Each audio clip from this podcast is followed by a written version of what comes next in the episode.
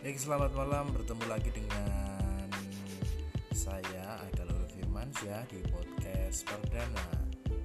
Terima kasih.